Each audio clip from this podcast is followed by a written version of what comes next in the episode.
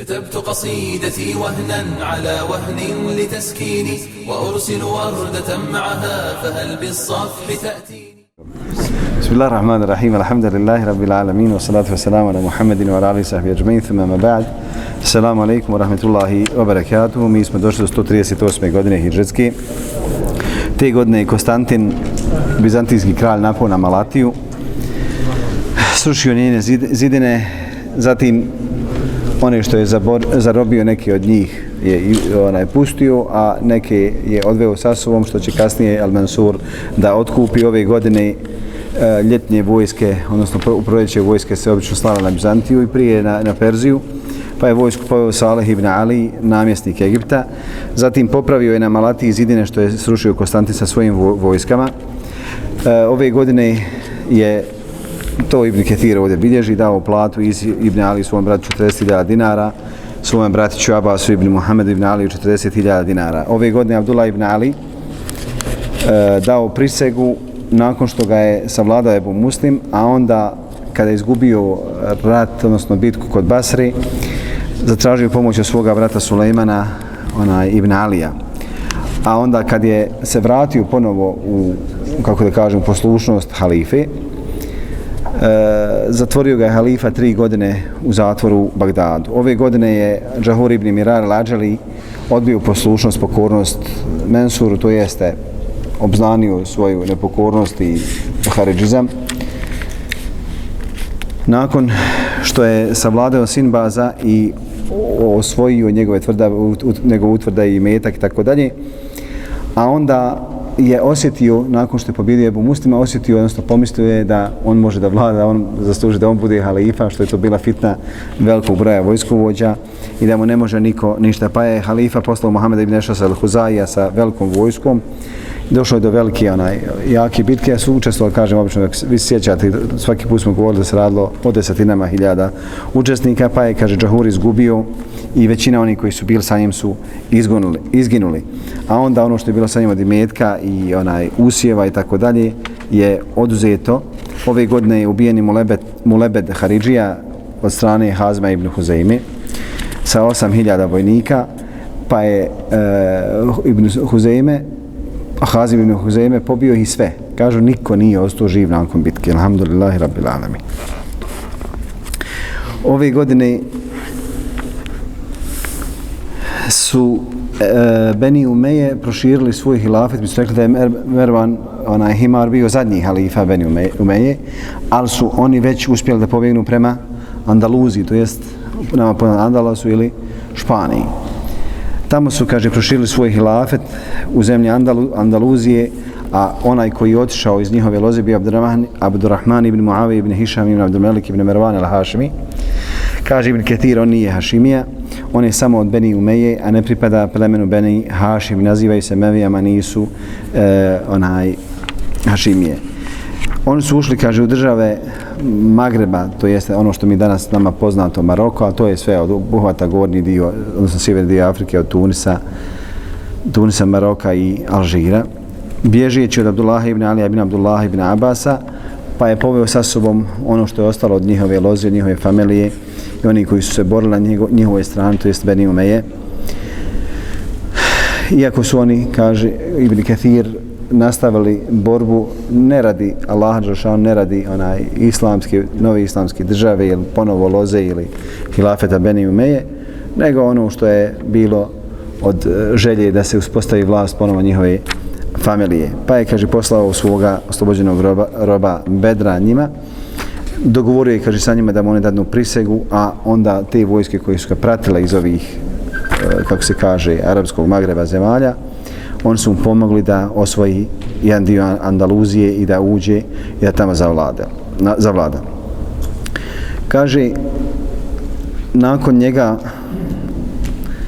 e, odnosno stan, Abdurrahman je nastanio Kurtubu, nakon njega hilafet, odnosno njegov hilafet trajao do 172. godine, nakon što je umro hilafet ili kraljevstvo je naslijedio 30, znači što traja 34 godine, naslijedi njegov sin uh, Hišam, otprilike nekih šest godina i nekoliko mjeseci, nakon njega Hakam ibn Hišam 26 godina i tako dalje.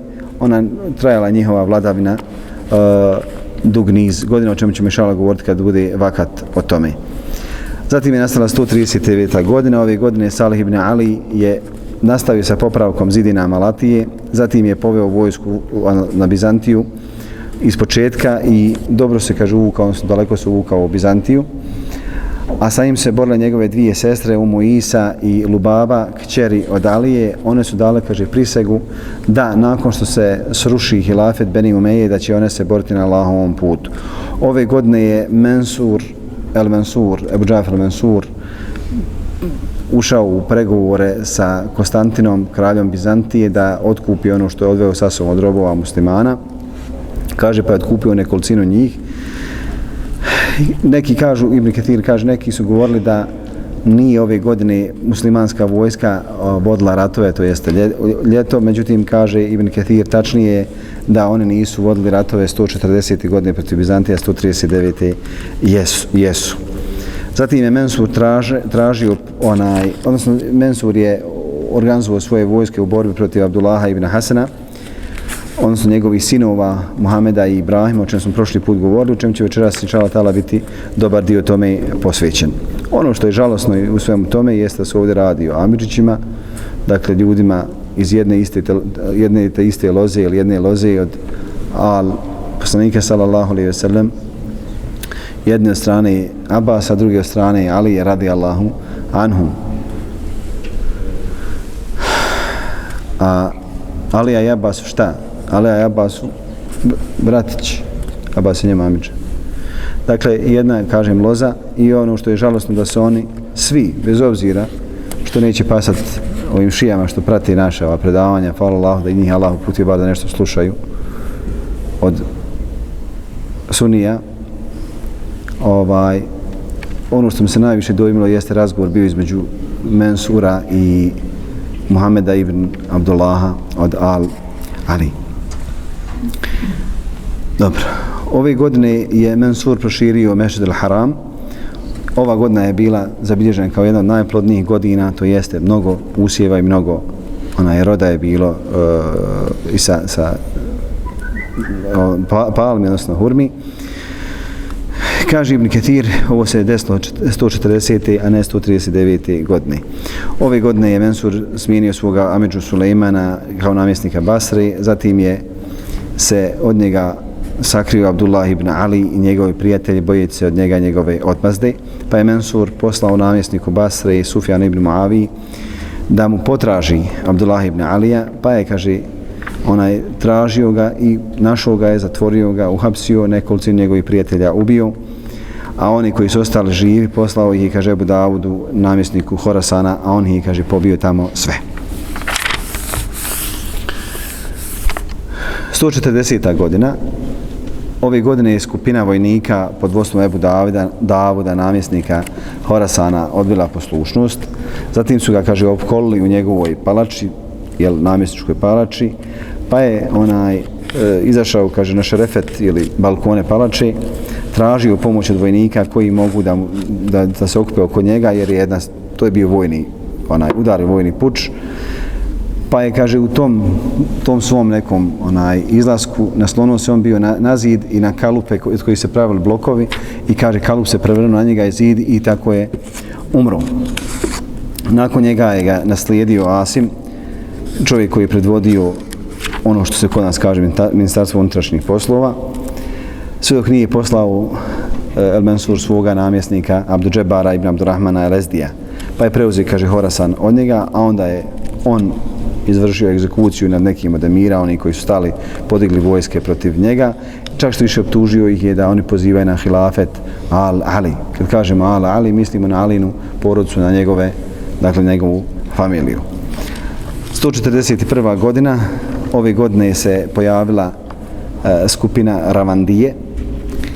Usprotivili su se hajde kažemo Mensuru u nekim stvarima, a smatrali su ga svojim gospodarem, odnosno rekli su da je on neuzbilahi gospodar. Ibn Đarir i prenosi od Medajna i kaže njihovo, njihovo porijeklo iz Horasana. E, smatrali su da su sljedbenici Ebu Muslima al Horasanija, govorili su, odnosno tvrdili su i priznavali su, vjerovali su u reinkarnaciju. tvrdili su da je Ademova duša se pojavila u Osmanu ibn Nehiku, a da je njihov e, gospodar, onaj koji hrani, koji ih poji, koji daje obskrbu Ebu Džafer al-Mansur, a da je Hajsem ibn Muavije Džibril koji donosi objavu. Ibn Đerir kaže, svi su došli kod palače od Mansura, činili su tavaf oko njegove palače i govorili ovo je palača našeg gospodara. Misliš na to da, na Boga? Kaže pa je Mensur poslao njihovim glavešinama, njihovim predvodnicima policiju ili ona straže, pa su oni pohapsili, bilo je nešto oko dvije stotine, kaže, pa je to naljutilo. Naljutilo što, kaže, mi onaj, tavafimo oko tvoje kuće, ti nas hapsiš. Kažu, kažu oni, što si ih pohapsio? I kad Bensu nije htio da uđe sa njima u raspravu, oni su, kaže, ponijeli E, tabute, odnosno jedan tabut, pretvarajući se da nosi dženasu, jer nisu došli kod, do zatvora, a onda su kod zatvora bacali taj tabut jer je bio prazan, na njemu nije bilo ništa i razvalili su zatvor i izvadili, odnosno izveli te svoje zarobljene prijatelje. Oni su okrenuli se prema Mensuru, bilo je oko šest stotina. Pa je glasnik pozvao, odnosno pozivao ljude, jer je to bilo u noći, a Mensur je izašao iz palače Bos, odnosno halalte, kao pješak na nogama, nije uzjahao na jahalcu, jer se za halif, halifa nije izlazio. Znate kako halifa se pojavljuje među ljudima? Ili kraljevi? Ili na, na tronu, ili na kočema na jahalci. Nikad neće hodati među njima. Jer to je svojstvo koga? Silnika, oholnika. Kaže, pa izašao pješke, onda ga je vidio Mu'in ibn Zajda. Mu'in ibn Zajda je bio na strani ibn Habire, kada je Mensur slao vojske protiv njih. Pa je moj Ibn Zajde bio do njih koji su pošteđeni, sakrio se, primirio se sve do ovoga dana i kada je vidio, on je do, doveo onaj Mensurovu jahalcu i rekao halifi da se popne na jahalcu, da ne može on ići pješki. Kaže, pa se ljudi okupili sa svih strana i onda su onaj e, u toj, tom hašimijskom dijelu Kufe savladali ovu skupinu. Osman ibn Nehik je poginuo, a zatim ga je, kaže, slijedio njegov brat po naredbi, onaj Mensura, slijedio njegovu poziciju, to jeste da zauzme ministarstvo unutrašnjih poslova Isa ibn Nahik. Kada je Mensur završio borbu protiv Ravandija, donesena mu je bila, kaže, hrana, onda je pitao gdje je Mojin ibn Zajde. Kaže, ja neću jest dok ne nađete Mojina, pa je do, doveli su Mojina i on je sjeo pored njega. Kaže on njemu, zašto se danas pokazao toliko svoje hrabrost? Kaže, tako me Allaha, ja emir al-mu'minin, došao sam, a pre, bojio sam se. Međutim, kaže, kad sam vidio koliko si ti hrabar, kaže, meni se vratila hrabrost, sada njem baca prašinu u oči. Kaže, pa mu je Mensur povjerovao na njegove riječi, dao mu 10.000 dinara i dao mu namjesništvo Jemena. Ove godine Mensur je proglasio svoga sina Muhammeda kao svojim za svog predstavnog nastavnika i dao mu nadimak El Mehdi. Zatim je dao namjestištvo Horasana, tamo je smijenio Abdu'đebara ibn Abdurrahmana, jer je pobio, kaže, mnogo od onih koji su podržavali halifu, pa su se oni požali Mensuru, a on svome savjetniku Ebu Ejubu. Ebu Ejub je bio njegov lični savjetnik, bliski savjetnik i pisa, dakle njegov zapisničar, onaj koji je pisao uh, Fermane.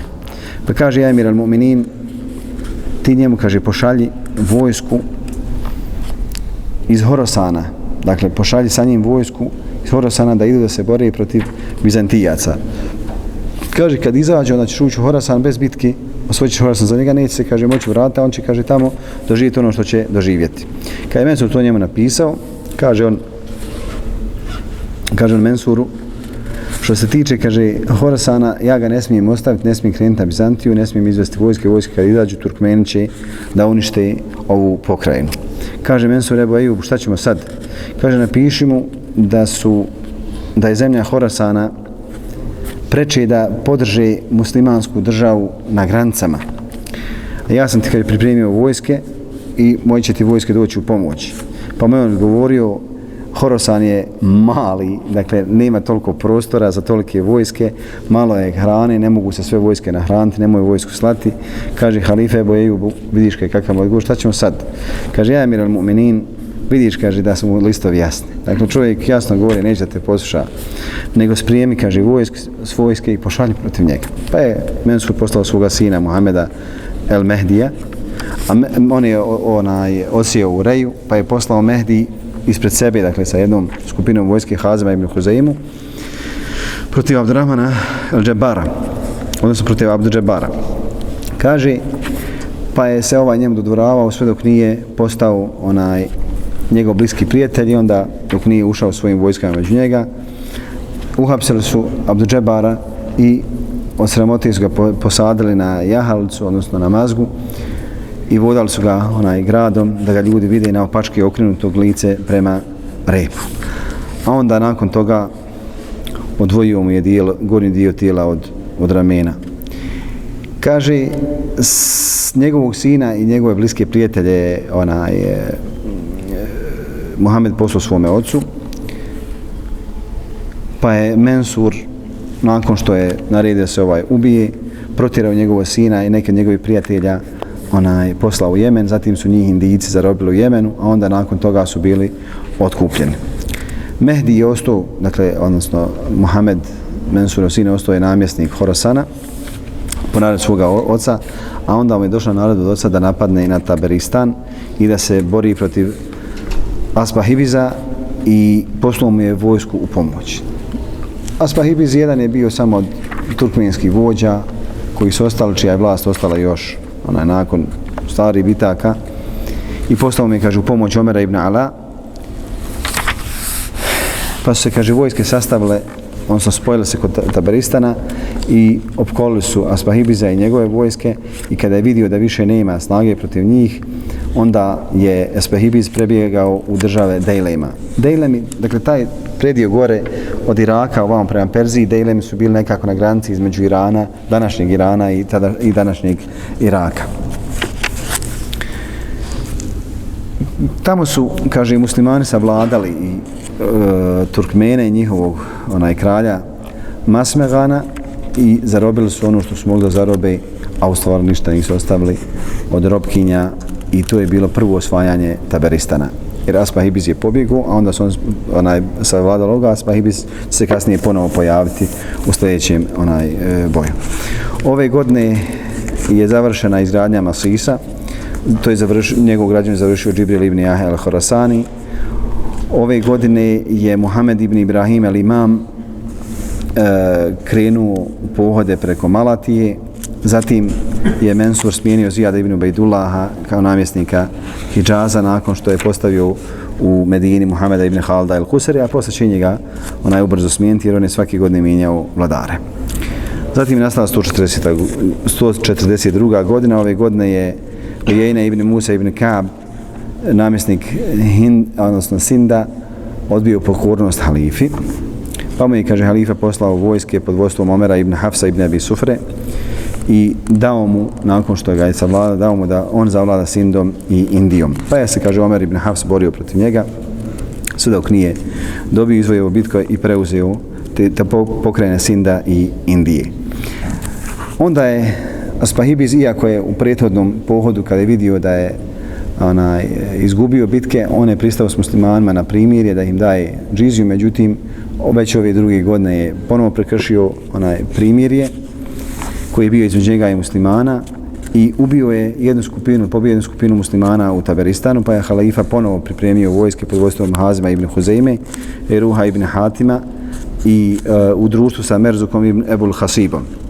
Kaže, oni su ga opkolili jedan dug period, a onda kada je e, vidio, odnosno kada, kada muslimani više nisu mogli da čekaju, prošlo je dugo, mnogo vremena, onda kaže jedan među njima, odnosno Ebul Hasib rekao, obrite mi glavu, obrite mi onaj bradu i vičujte me, a nek on gleda. Jer to su bile palače, dakle, utvrde i on prati određeni dio dana, prati. Kaže, udarajte me i nek vide, kaže onaj, i oni i muslimani. A onda ću, kaže, ja ako bajage od vas povjeć, tamo ću se ovom SP Hibizu približiti, ući se u njegove redove i javit ću vam, kaže, kad ćete ući. I onda je Ebul Hasib uspio da uđe, proveo, ali to sve traje, dakle nije to ništa preko noći, uvuko se kod Spahibiza i onaj, kad mu je ovaj povjerovo, on je od njega tražio da bude čuvar kapija. Jebul Hasib prvu priliku iskoristi pošalje glasnika muslimanskoj vojsci to jeste Hazim ibn Huzeim, pošalje i kaže ja ću vam otvoriti večeras kapije, uđite onaj večeras. I kad je Aspehibiz vidio da je izdan, odnosno da muslimanska vojska ulazi normalno kroz vrata bez bitke, on je imao prsten sa otrovom praljkovača i jest. Da tako? Praljkovač. Zločinac onaj, zločinac onaj. Kaže, u tom pohodu su muslimani zarobili Umu Mansur ibn Mehdi i Umu Ibrahim ibn Mehdi one su bile od najljepših žena na kraljevom dvoru. O njima će biti riječ, inšala, nekada u budućnosti. Ove godine je Mensur stanovnicima Basre je sagradio njihovu kiblu. Kad se kaže njihova kibla, to je mjesto gdje je bila javna musala. Musale su postale prije kod nas. Jedina danas musala koja se obilježava, koja ima je gdje u... Koji od vas krajišnik ovdje? Ima krajišnika? U Sanskom mostu ima poznata musala. Jest, to je mjesto gdje su muslimani izlazili ili po naradi imama, ili ono što se kaže, jel, ne po običaju, nego onaj po vaktu, takvimu bajrama jednog i drugog bajrama. Zatim je, kaže, prepustio Selam ibn Sejid ibn Džabiru, namjesniku Eufrata Jebli. Kaže, Mensur je zapostio Ramazan, odnosno ispostio Ramazan u Basri. Klanjao je muslimanima Bajram. Ove godine je smijenio Novela ibn uh, Al-Furata, namjesnika Egipta. Zatim je postaje Humejda ibn Kahtabu. Ljude ili hađije na hađu je predvodio Ismail ibn Ali. A Ismail ibn Ali, njegov Amidža. Ove godine je preselio Sulejman ibn Ali ibn Abdullah ibn Abbas, Amidža od halife, namjesnik Basri, u subotu, e, sedam noći pred, pred kraj Džumadel Ahira. Imao je 59 godina, dženazom je klanjao njegov brat Abdu Samed. Obijelio je kao momak dok je imao 20 godina i otac se, kaže, farbao, odnosno farbao je kosu i bradu sve do svoje smrti, to jeste farbao je 39 godina. Bio je poznat po plementosti, po tome što je onaj bio prijatan u društvu. Kaže se da je svake godine na hađu oslobodio stotinu robova. E, čuvaju rodbinske veze prema Benu Hašemu i svim kurejšijama ensarijama do te mjeri da bi godišnje znamo da podijeli 500 miliona uh, dirhema. On ovdje spominje, kaže, 500 miliona im je podijelio ili 500 hiljada hiljada, jer tada milion nisu postojali u njihovom vokabularu, u njihovom riječniku, pa on kaže 500 hiljada hiljada podijelio, ali ne kaže nikad čega dirhima ili zlatnika, Allah najbolji zna. Jednog, kaže, dana stojao je na, na, na balkonu e, svoje palače i čuo je žene kako pjevaju u dvorištu palače.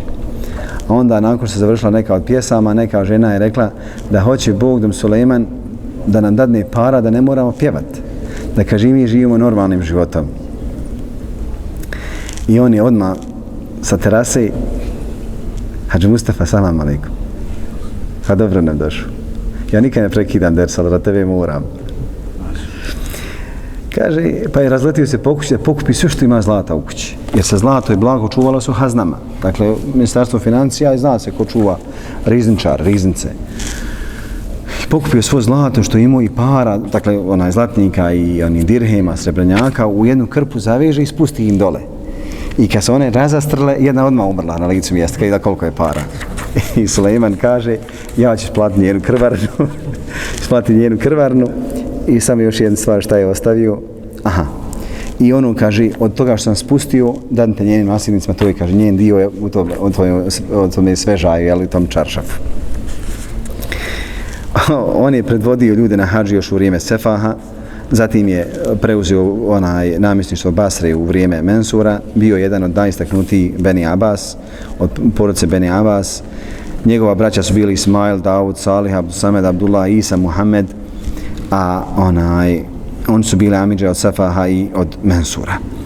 Ove godine od istaknuti ljudi, a ne mora znaš da je bio značaj, jer Ibn Kathir ovdje započne jednu novu epohu da spominje već one koji se nečim isticali. Od ove godine je preselio Khalid al-Hitha, Asim al-Ahval i Amr ibn Ubejd al-Qadari ili Kaderija, e, za njega se kaže, s njegov pravo ime bilo Amr ibn Ubejd ibn Seuban. Neki ga nazivaju ibn Kejsan Etejmi. Njihov, dakle, istaknuti onaj slobodni rob je bio Ebu Osman al-Basri, od e, dakle robova iz Perzije, šejh Kaderija i Muatezila. prenosi hadise od Hasan al-Basrija, od Ubejdula ibn Enesa, Ebu Ali, Ebu Kulabi, zatim od Hamadana, od Sufjana ibn Ujejne i Ameša i bio je od njegovih prijatelja od Ameša, bio je dakle Jaran, a sjedio u halki kod Hasana al-Basrija. Abdul Waris ibn Sa'id i Harun ibn Musa, Jahen Qatan, Jezid ibn Zureja, dakle svi su oni onaj bili jedna skupina.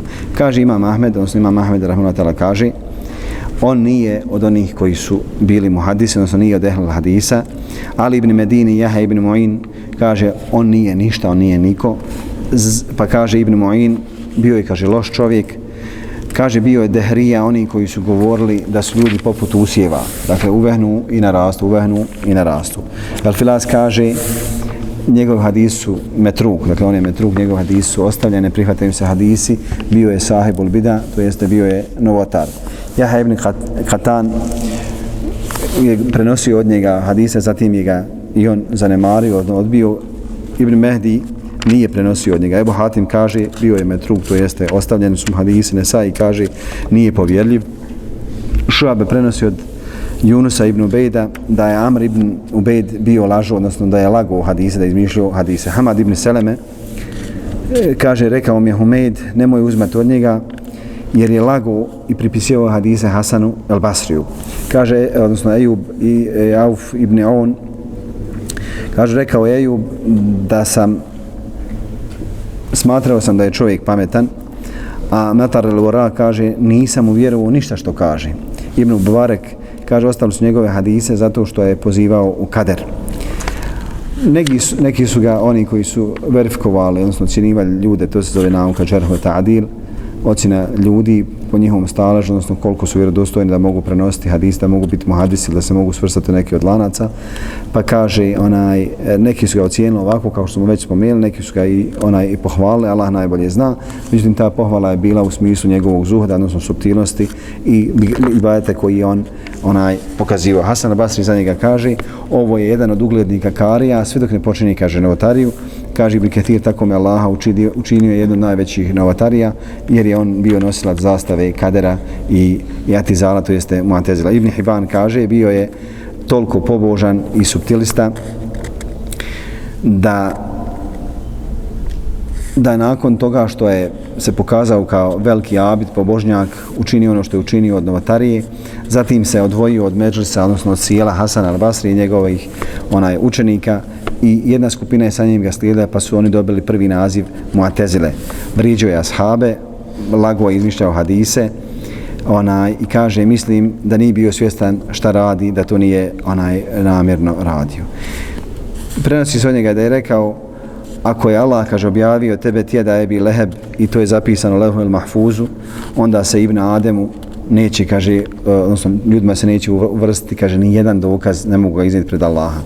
Prenosi se u hadisu od Ibn Mesuda, kaže, rekao nam je Sadeh al-Mazduk, onaj koji istinu govori i kojem se vjeruje, stvaranje nekog od vas se uh, vrši u njegovoj utrobi njegove majke 40 dana, sve dok ne bude, pa onda kraj hadisa, kaže, dok se ne naredi četiri riječi, njegova nafaka, njegov život, njegova dijela, da li će biti sretan i nesretan, i onda on kaže komentar na ovaj hadis, da sam čuo ovaj hadis od Ameša da ga prenosi, ja bih rekao da laže Ameš. Da sam čuo od Zejda ibn Vehba, ne bi volio Zejda ibn Vehba. Da sam ga čuo od ibn Mesuda, ne bi ga prihvatio. Da sam čuo Allahova poslanika, ja bi, kaže, odbio ga. Da sam čuo Allaha, da je ovaj hadis Allah spomenuo, ja sam rekao, ja bi rekao Allahu, nisi od nas uzio prisegu na ovaj način. Dakle, čovjek činio kufr. Ibn Adi kaže Amr je vara, odnosno zaveo je ljude tim svojim nekim zuhdom i bajetom što se pokazivao pred njima kao takav a onda ga je, kaže, zaveo Vasil ibn Ata odva, odvratio ga od eh, mezeba ehlu suneta val džemata Vasil ibn Ata vama poznat po čemu? po jatizalu dakle prva akida mu atezila od njihove akide je šta bilo?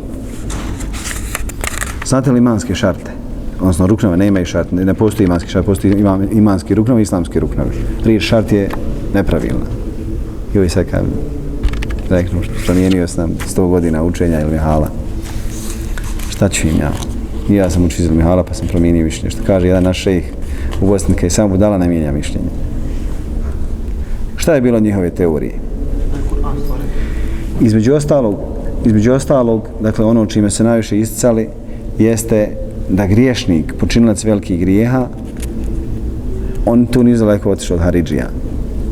Počinilac velikih grijeha i ako dođe te obe, nije, kaže, mu'min potpunog imana. A nije ni kafir, ali mu je kazna kakva?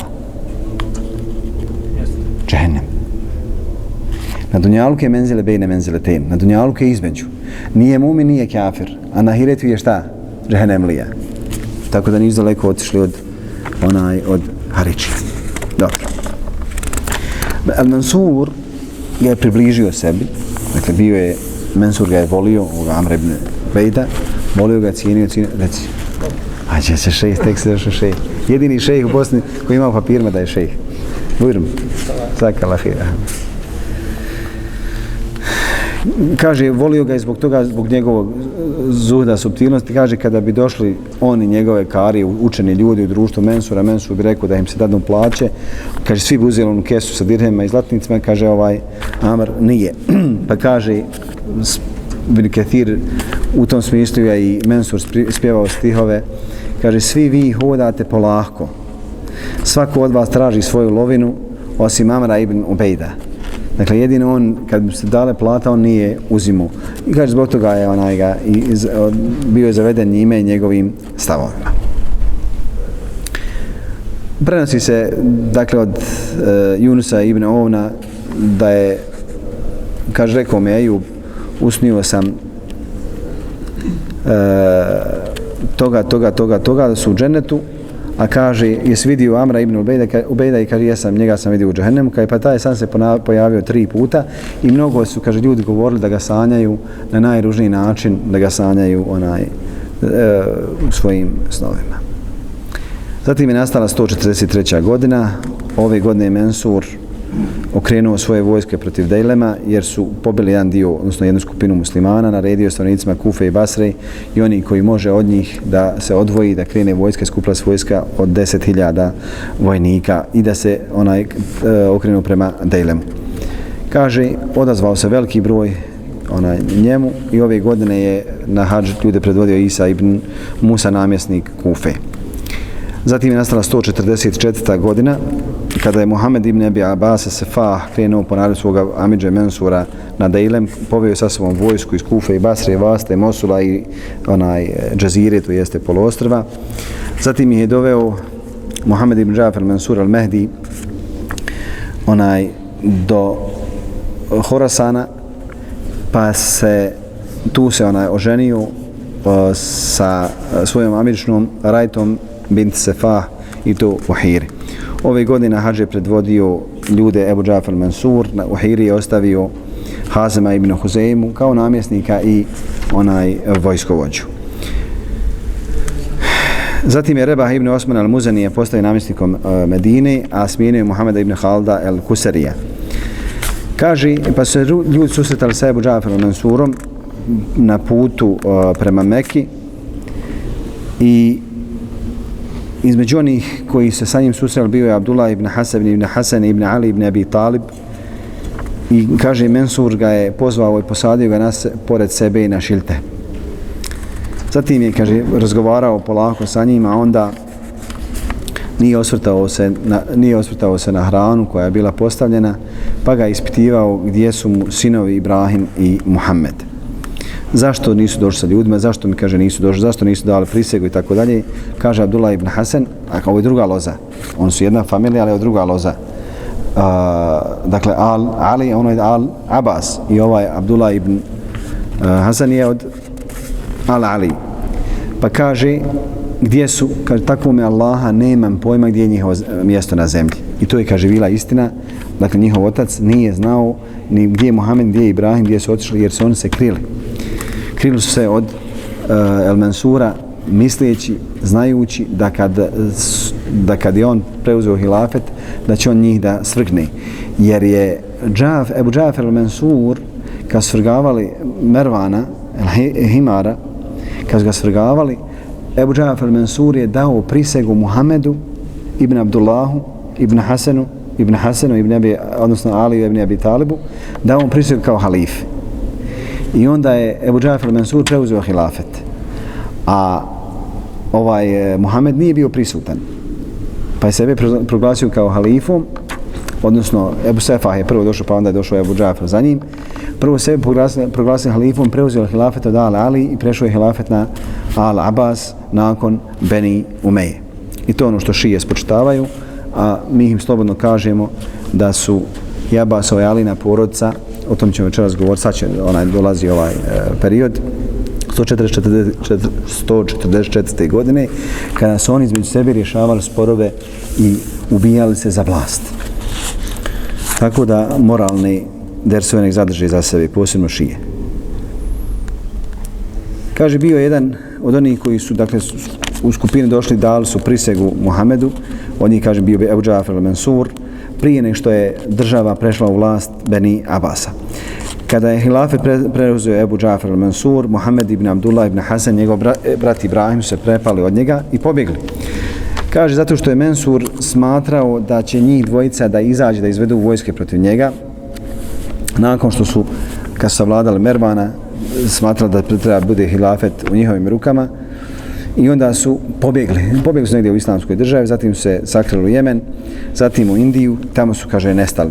Pa ih je pronašao Hasan ibn Zaid, a onda su, kaže, pobjegli na drugo mjesto, pa je Hasan ibn Zaid ih ponovo našao, obavijestio halifu, a on su, kaže, onaj, ponovo pobjegla, ovaj Hasan, Hasan ibn Zaid je stalno nalazio i kaže on se njima postavio kao pravi neprijatelj, neprijatelj dokazao se kao prijatelj Mensuru, on se nam kaže da će onda ih prati. Kaže, Mensur se umorio bio tražeći njih dvojicu, nije ih mogu naći, sve se nije ukazala prilika da susredni sa njihovim ocem Abdullahom i da ih upita. I kaže, teko je razgovor između njega i Abdullaha, I kad je Abdullah shvatio da Mensurova čitav onaj šugul šagil ili totalna, totalna njegova preokupacija samo gdje su pitaš me za moje sinove gdje su, ja znam šta hoćeš od mojih sinova, kaže Abdullah se naljutio i kaže tako mi Allah da znam da su ispod kaže moje noge ja ti kaže ne bi rekao da ja krijem ispod svoje noge, ja ti kaže ne bi rekao. Kaže Mensur se naljutio i rekao da Abdullah zatvore u zatvor. Zatim je rekao da sve ono što ima, što posjeduje, što je Abdullah posjedovao od robova i od imetka, da se onaj oduzme, a u zatvor ga je držao tri godine. Zatim su Mensuru rekli da uhapsi sve od Beni Hasan, to jeste iz ove loze, i kaže pa su svi bili pohapšeni. A onda se posvetio, dao se u potragu Ibrahima i Muhameda. Ibn Ketir kaže ovo se dešavalo i Ebu Žafar Mansur je predvodio ove godine hađ. A Muhammed i Ibrahim su svake godine dolazili na hađ. Bili su tu u njegovoj blizini, a nikad i nije mogao vidjeti. Uprko s tome što hađi obuku i hrame, ili glava se vidi, ali su oni bili uvijek skrivani. Kaže, dug niz godina su dolazili na hađ, krili se u Medini, većinu svog vremena provedili su u Medini, niko nije znao za njih, hvala Allah, pa ni Mensur. Kaže, na, n, uh, Mensur je mijenjao na, uh, ove, namjesnike Medine svako malo ili svake godine i svaki od njih je dobio istu naredbu, to jeste da traži Muhameda i Ibrahima i da ju uhapsi da njemu preda, ali niko od njih nije uspio. U tome im je pomogao jedin od Mensurovi emira po imenu Ebu Asakir Halid ibn Hasan. Kaže, pa je e, Ebu Asakir saznao da Muhammed i Ibrahim hoće da izvrše atentat na El Mensura i to između Safe i Merve. Ono kad, ljudi, kad ima treba najviše slobode, kad se ide i kad se malo brže hoda i posebno kad je ona reml između onih, onih dijelova gdje je Hadža trčala. Kaže pa onda Abdullah ibn Hasan rekao im nemojte, nemojte to raditi zbog časti mjesta gdje hoćete da izvršite atentat, da ga ubijete, ona unutra harema nemojte to raditi. Pa je Mensur kada je čuo za ovo, čuo za njihove namjere, a onda je uhapsio Ebu Asakira i patio ga, mučio ga dok Ebu Asakir nije onaj, priznao i kaže koji je spriječio u tome, kaže Abdullah ibn Hasan. Kaže, Abdullah ibn Hasan im je rekao da ne rade to, a onda su njih dvojica ponovo nestali, niko i nije mogu onaj više naći. Al Mansur je poslao kaže svoje izvidnike, svoje e, doušnike i ove špijune u čitavu islamskoj državi. Dakle, bilo je angažovan veliki broj samo da nađu njih dvojicu. Međutim, Allah nije dopustio sve do određenog trenutka. Muhammed ibn Abdullah ibn Hasan je došao svoje majci i kaže majko, žao mi je žao mi je naše Beni Umume e, misli se, žao mi je naše porodce, familije, svi su bili u zatvoru. Svi Beni Hasan su bili uhapšeni. I velik broj njih nije spasio se. Bili su ili umrli ili su bili ubijeni onaj u zatvor. Kaže, majko, ja onaj ne mogu više gledati da se oni pate, ja ću se predati. Kaže ona njemu, nemoj, nema časti u tome, mi ćemo se, kaže, strpiti, morat će, kaže, Allah dati da se sve iđa, izađe na vidjelo, da priđe vlast u vaše ruke, naše da se strpimo i da čekamo pomoć od Allaha te barike ve ta'ala. Nakon toga Al Hasan su prebačeni iz Medine u Irak, bili su svezani, dakle bili su svezani, bile su im onaj okovi na rukama i na nogama i na vratovima. Kaže, povedeni su bili iz Rebze po naredbi Ebu Džafar Mansura, a sa njim u društvu, sa njima u društvu je bio i Muhammed ibn Abdullah al-Uthmani. Bio je brat od Abdullah ibn Hasana po njegovoj majci, a njegova kći je bila žena od Ibrahima ibn Abdullah ibn Hasana. Ona je, kaže, zatrudnila u tom periodu i onda je ga je halifa pozvao i kaže, ja sam se zakleo da ću osloboditi sve što robova imam i sve žena što imam da ću pustiti. Ako mi, kaže, budeš lagu. Evo, kaže, tvoje kćer, trudna, noseća, mužio je, ti, kaže, znaš di on, ako je zanijela sa njim, kaže, znaš di on. Ako nije sa njim, onda si ti dejus. Dejus je šta? Razvratnik, dakle čovjek koji je zadovoljan da mu u porodici bude razvrat i on taj razvrat ne sprečava. Kaže pa mu je Osmani odgovorio riječima koje mu nikako nisu pasale. Kaže, ušutio je, zakuo je Mansur od odgovora. Kaže, pa je rekao, skinte mu košlje sa njega. Kaže, kad smo skinuli košulju, koža mu je bila poput srebra, bijela, nema nigdje ni bena ni babuljice. Dakle, nema nigdje ništa. Kaže, udarte ga 150 bičeva, 30 iznad vrata gore, 30 po glavi, 120 po tijelu. Kaže, jedan bič mu je izbio oko, oko mu je onaj isteklo, a ovi bičevi, nakon što je završeno bičevanje, kaže, na tijelu mu nije ostalo mjesto da nije plavo. Dakle, nakon toga, uh, kad je ušao u zatvor, molio je ljude da ga napoje i kaže, samo jedan od tih sluga, od uh, Harosanija, je prišao sa vodom i napojio ga. A onda je Mensur naredio da se njegova nosiljka, ono, one nosiljke koje su bila na devama, naredio da se njegova nosiljka onaj spremi i da se onaj ponese on, a da se oni strpaju u nekoliko nosiljci, nosiljki i da im bude tijesno da se pati. Pa kaj kaže, pozvao Abdullah ibn Hasan, kaže, tako mi Allaha ja eba Džafer. Mi, kaže, nismo ovako kažnjavali vaše zatvorenike na, na Bedru. A šta je bilo na Bedru? Jer Alija, oni iz Alijine porodci, a Ibn Abbas su bili još uvijek gdje? Na strani koga? Mušrika, na Bedru. Jer Abbas je kasnije primio islam. Nego šta su radili?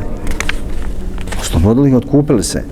Kaže, na dan Bedra nismo, kaže ovako, onda je, kaže, Mensur ušutio nije progovorio, bilo mu je teško od ovih riječi. Kad su došli u Irak, zatvorio je u hašimijski dio Kufe. Među njima je bio Muhammed ibn Ibrahim ibn Abdullah ibn Hasan, čovjek čije su ljepote se okupljali ljudi da ga vide koliko je lijep. Za njega se govorilo da je onaj, to, e, nazivali su ga e, žutokoži, odnosno bila mu je boja koži različita od ostalih Arapa.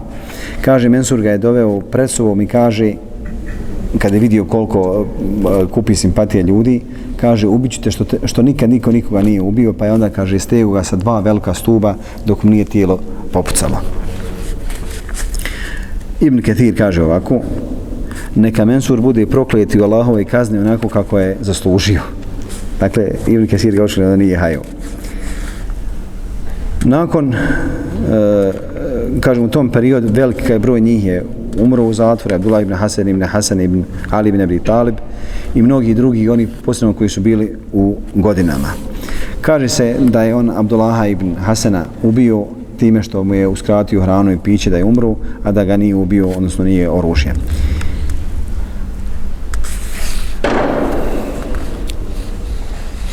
Muhammed ibn Abdullah ibn Amr ibn Uthman ibn Affan al-Emevi rahmehullah, Ebu Abdullah Eh, eh, uh, al-Meddi ili Mehdi, poznat po imenu al-Dibaj, zbog ljepote njegovog lica, matom je bila Fatima bint Husein ibn Ali, prenosio je hadise od svoga oca, od majke, svoje majke od Harđa ibn Zaid, od Tausa, od ibn Zinada Zuherija, Nafije i drugi. Od njega su prenosili također mnogi drugi, a Nesai je za njega spomenuo da je bio povjerljiv Ibn Hiban.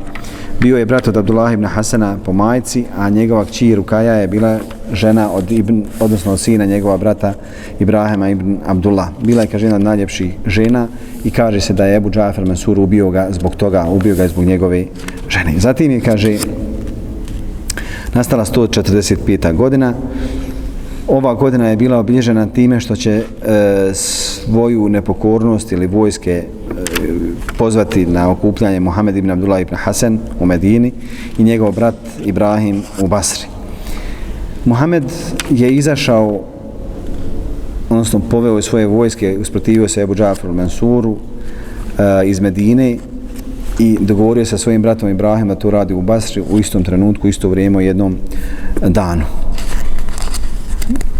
Kaže Ibn Kathir, Ebu Džafir al-Mansuri je zatvorio, odnosno Beni Hasan je zatvorio takav zatvor da nisu znali ni kad je vrijeme izlaska ni zalaska sunca, ni kad je vrijeme namaza, niti zikra, niti učeniti bilo čega, osim kada bi nekad čuli da neko naglas uči, pa bi pretpostavili koji od namaza, da li akšam ili jacija. Sve u vremenu, kaže, dok je on tragao za Mohamedom i njegovim e, bratom Ibrahimom u Medini, sve dok nisu svi špijuni izgubili posljednji atom snage i nisu ga mogli naći. Krio se na sve načine do te mjere da je znao ući u medinski izvore ili bunare i ušao bi u vodu sve do vrata. Vi znate što znači izvorska voda, koliko je izvorska voda hladna. Kaže, tamo bi se krio od njegovih onaj namjesnika i njegovih čuvara, njegove vojske. Ibrahim je bio u Basri krio se isto kao što je njegov brat. A onda, kada je došla, došlo vrijeme, Mohamed je iskoristio jednu noć da okupi vojske i da pozove Medinlije u svoj tabor. Protirali su, odnosno namjesnika Medine, preuzeli su Medinu u svoje ruke, a na stranu Mohameda Abdullaha bilo je nešto oko 250 ljudi. Pa je, kaže, naredio da se otvori zatvor, da se zatvora puste svi ljudi. Zatim su Rijaha ibn Osmana namjenske Medine onaj, e, zatvorili, posle on pobjegu, a sa njim je zatvoren bio ibn Muslima ibn Uhbe. A ova je rekao da se Beni e, Hasan svi zatvori i pobiju. On je rekao Mensur zatvori, pa je on njih sve pozatvorio ono kad je prebacio iz Medine u Irak. Prenosi se od imama Malika da je donio u tom vremenu fetvu da se dadne prisega Muhammedu ibn Hasanu, pa je neko pitao imama Malika zar nemamo mi, kaže Beju, odnosno prisegu Mensuru, kaže Imam Malik, prisega je bila pod prisilom, a prisiljen nema prisige. Prisege, dakle rob, odnosno koje, je, e, ko nema slobode, nema prisege. Kaže, pa mu je se obratio Ismail ibn Abdullah ibn Džafer i rekao da znaš da ćeš biti ubijen. Mohamed ibn Hasan bit ćeš ubijen, odnosno neće, neće ovo proći. I onda je on postavio svoje namjesnike Osmana ibn Muhameda ibn Halda Zubeira kao kadiju Abdulaziza ibn Mutaliba ibn Abdul Mutalib ibn Abdullah al-Mahzumija kao ovaj, za ovaj, čuvare i stražu zatim Osmana ibn Abdullah ibn Omera ibn Hataba na divanu a ta ibn Abdullah ibn Džafar ibn Abdullah ibn Mesvera al-Mahrebu i tako dalje postavio i kao namjesnike u Medini dao im vlast. A onda se popio na Mimber i obratio se Medinlijama. I rekao Medinlijama ko hoće da stane na moju stranu, neka stane, a niko nije obavezan da mi dadne prisegu. Kaže, pa stanovnici Medine većina i otišla, nisu mu dali prisegu. Zatim, kad je e, Musa ibn Isa po naredbi Mensura krenuo sa svojim vojskama na Medinu, da opkole Medinu, da napravim sažetak jer ovdje ima puno onaj priče. Koliko ima da još reacija? Nećemo stići ni do upaja. Kaže, kada mi je došlo prvo pismo Muhamedu, došao me je e, gdje Allah Žešanu kaže nagrada za one koji se bore protiv Allaha njegova poslanika i šire na zemlji Fesad, da budu ubijeni, da budu razapi, da im se sjezaju ruke, noge, unekres, tako dalje. A on je, kaže, odgovorio, Bismillahirrahmanirrahim, ta si mim, to su ajeti, knjige jasne, mi ti, kaže, govorimo priču o Musao i Faraonu, po istini onako kako ljudima koji vjeruju, Faraon je zaista se uzoholio na zemlji, podijelio je, kaže, ljude u stranke, skupinu od njih, odnosno tlačiju, ubijao sinove, a žene ostavljao u životu. Dakle, ovo se odnosi na koga? on, jes, on je poruku slao Mansuru. I onda on piše pismo u kojem kaže, dakle, e, Mohamed kaže, Ali je bio vasi, to jeste njema je ostavljao poslanik sallallahu alejhi ve sellem bio je imam. Zatim kako da ti naslijediš njegove sinove su živi, ne možeš naslijediti hilafet. Mi smo kaže bili najčasniji na zemlji. Allahu poslanik sallallahu alejhi ve sellem je naš djed. Naša uh, nana ili naša jel, nena nana je Hatidža, najbolja žena Dunjalka, Fatima je naša mati. Zatim Hašim je rodio Aliju dva puta, najbolji od njegove djece Abdul Mutalib, jedan od uglednika jedan od uglednika za kojeg Allahu poslanik sallallahu alejhi ve sellem rekao da će Alija biti od uglednika dženneta, a Amira će mu biti od onih koji će biti u najmanjem dijelu džehennema. Helem ne se i onda on Ebu Džafar Mansur njemu odgovara da se niko nije mogao roditi dva puta, da su da se ti ne možeš pohvaliti svojim, e, svojim porijeklom, da nije tačno da među vama nije bilo onih robkinja koje je srađala djecu, Marija Koptija je rodila Ibrahima Allahom poslaniku sallallahu alaihi ve sellem. Ja se, kaže, obraćam kao onaj koji ti nudi primirje, nećeš biti ubijen, bit će ti plaćeno, bit će ti dato i roblje, i zlato, i srebro, i bit će ti dato namjesništvo dijela, e, uh, ti reći Jugoslavije, dijela onaj, vidim me stare dede, pa posjete me na Titu. Allaha mi. Onaj, bit će ti dio dat upravi u islamskoj zemlji gdje hoćeš da odabereš da li Jemen, da li Horasan, da li koji dio hoćeš, koji pokrajin hoćeš. I tvoj otac nije bio zaštićen od grijeha, tvoj otac se borio za vlast onako kako se borio, zatim su se borili protiv njega Talha i Zubair, tražići krv Osmana jer je izašao, protivio se halifi. Zatim je tvoj brat prodao hilafet za nekoliko kožica i nekoliko dirhema Muavi, a onda je bilo ono što je bilo Dveni Umeje i Moavije, pa smo mi, kaže, oslobodili čitav Al Nebi i Al Abbas i Al Ali od njihovog tlačenja od Beni Umeje. Pa smo, pa smo i tako dalje, Helem Neise i onda nije se sklopilo primirje i onaj e, vojske su se morale e, susresti, jest, vojska od strane Mensura je došla, opkolili su Medinu, kad su se približili Medini, velik, velik broj Medinjana je po njegovoj ovoj hutbi izašao iz Medine, onaj, otišli su u brdan, neki su se zatvorili u kuće, pa Isa ibn Musa rekao ko se zatvori u svoju kuću slobodan je, odnosno neće biti proganjan, ko pobjegne u brda neće biti proganjan, ko izađe van Medine neće biti proganjan. I onda na njegovoj strani ostala jedna mala skupina ljudi pa su kaže iskopali hendek onaj nadomak Medine, dakle su čekivali vojske pod vodstvom Ise ibn Muse. Između ostalog pronašli su i jednu od cigli kaže pa ovo je bila naznaka kao da će pobijediti, međutim to nije bilo tako. Treći dan, nakon što je Isa ibn Musa njemu slao pisma i molio ga da, da se vrati u pokornost, kaže on, ja se ne mogu njemu vratiti u pokornost zato što Mensur laže.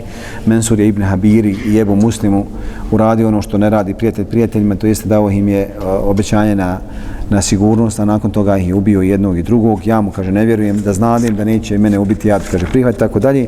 Mene ne treba njegov, odnosno sigurnost sa njegove strane.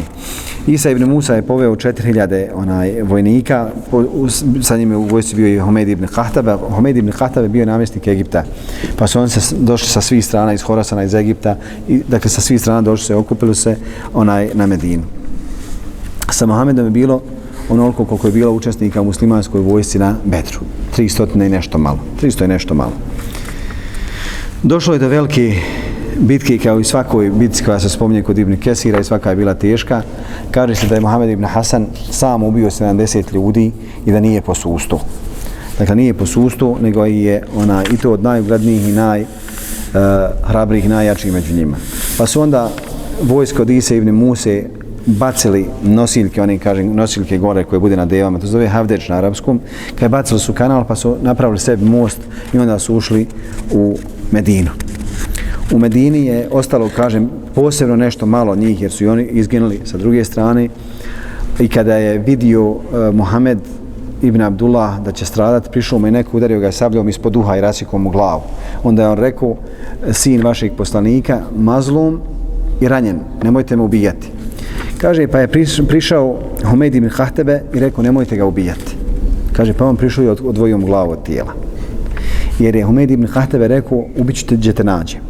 On njemu nekad davno zaprijetio da će ga on ubiti. I ovako je završio Muhammed ibn Abdullah ibn Hasan. Sa druge strane, sa druge strane, oni po Medini, e, ono što su obećali, to jeste da su oni koji su zatvorili, tako dalje, su bili slobode, neki su pohapsili, neki su bili ubijeni, koji su bili na strani od Mohameda ibn Hasana, a neki su kasnije bili odvedeni pred ovoga eh, El Mansura i oslobođeni, a opet neki su bili egzekucirani, ubijeni.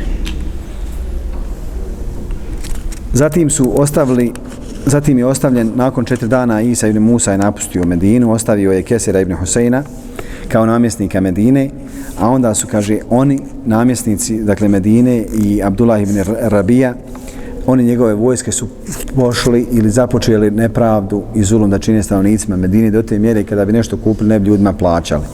Pa se, kaže, uzigla jedna skupina e, crnaca, nekadašnjih robova, medinskih robova, po imenu Vesik, Jak, El Remek, Hadija, Ankud, Mesar i Ebu Nar.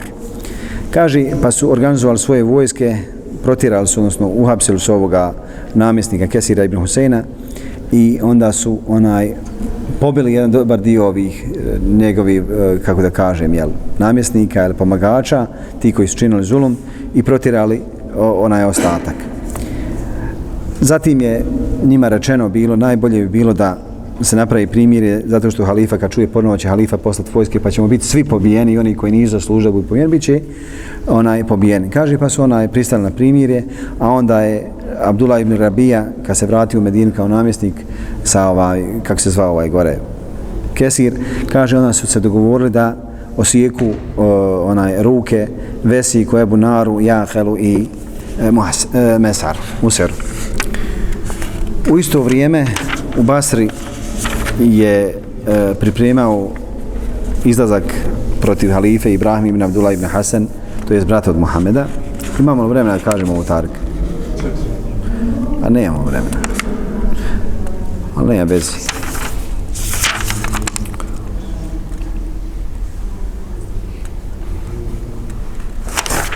Uglavnom, Ibrahim je organizovao svoje vojske u Basri i to u Basri je mnogo bilo više na njegovoj strani, nešto oko stotinu hiljada je stalo na njegovu stranu ali po prirodi po prirodi ovih Iračana, vi znate kako je do sad bilo, Mensur kaže ovaj svojim izaslanicima, svojim vojskovađ, vojskovađama e, ite, kaže, na Basru, nemojte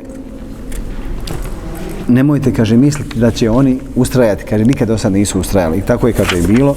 Ibrahim je izgubio svoju bitku kao njegov brat, bio je ubijen, a onda su kod Mensura ulazili jedan po jedan čovjek i čestitali mu, a on je, kaže, šutio sve dok nije ušao Džafar ibn Hanzala Ebehrani. I kaže on, poselamio ga i rekao, Azam Allahu eržek, neka te Allah poveća nagradu, ja emir al-mu'minin, za tvog Amirića Kaže da mu Allah oprosti od onoga što je uradio. Kaže, pa je Mensur promijenio boju lica i kaže, haj sjed, molim te, kod mene. Pa su, kaže, vidjeli ljudi da njemu žao što je ubio svoje Amirđiće. Ubio ih zbog čega? Zbog vlasti. Zbog čega se oni borili? Zbog tako da nam šije nemaju šta solt pamet, jer šije se po haraj po islamskom svijetu, zašta? Za Trumpa i naftu. Za vlast. Tako nek šute, onaj, samo se proljevala krv, jer kad je Mohamed ibn Hasan poslao poruku stanovnicima Šama i zamolio ih da stanu na njegovu stranu, da mu dadnu prisegu, za razliku od Ibrahima, Ibrahim je dobio pomoć sa svih strana. On je dobio i Kufu, i Horasan, i onaj, mnoge druge pokrajine, i Jemen je stao na njegovu stranu, dakle, veliki, veliki, i Džafer se, odnosno Ebu Džafer se prepao, jer Muhammed nije to uspio, a ovaj je uspio. I uprkos tome što se, kažem, izdešavalo, onaj, nije ostao ni onaj, ni onaj na vlasti. Ginuli su muslimani, stanovnici Šama kažu, je došlo pismo od Muhammeda Abdullah, tako nam Allah do sada su nam ratovi. Ratovi su nas uništili. Nećemo ni te davati prisegu, ni tam kaže treba halifa. Neka Ebu Džafar Mansura, trpit ćemo. Wa sallallahu ala sidna wa nabina Muhammed Allah Muhammed jazakum Allah khayra al-jazaa. كتبت قصيدتي وهنا على وهن لتسكيني وأرسل وردة معها فهل بالصفح تأتي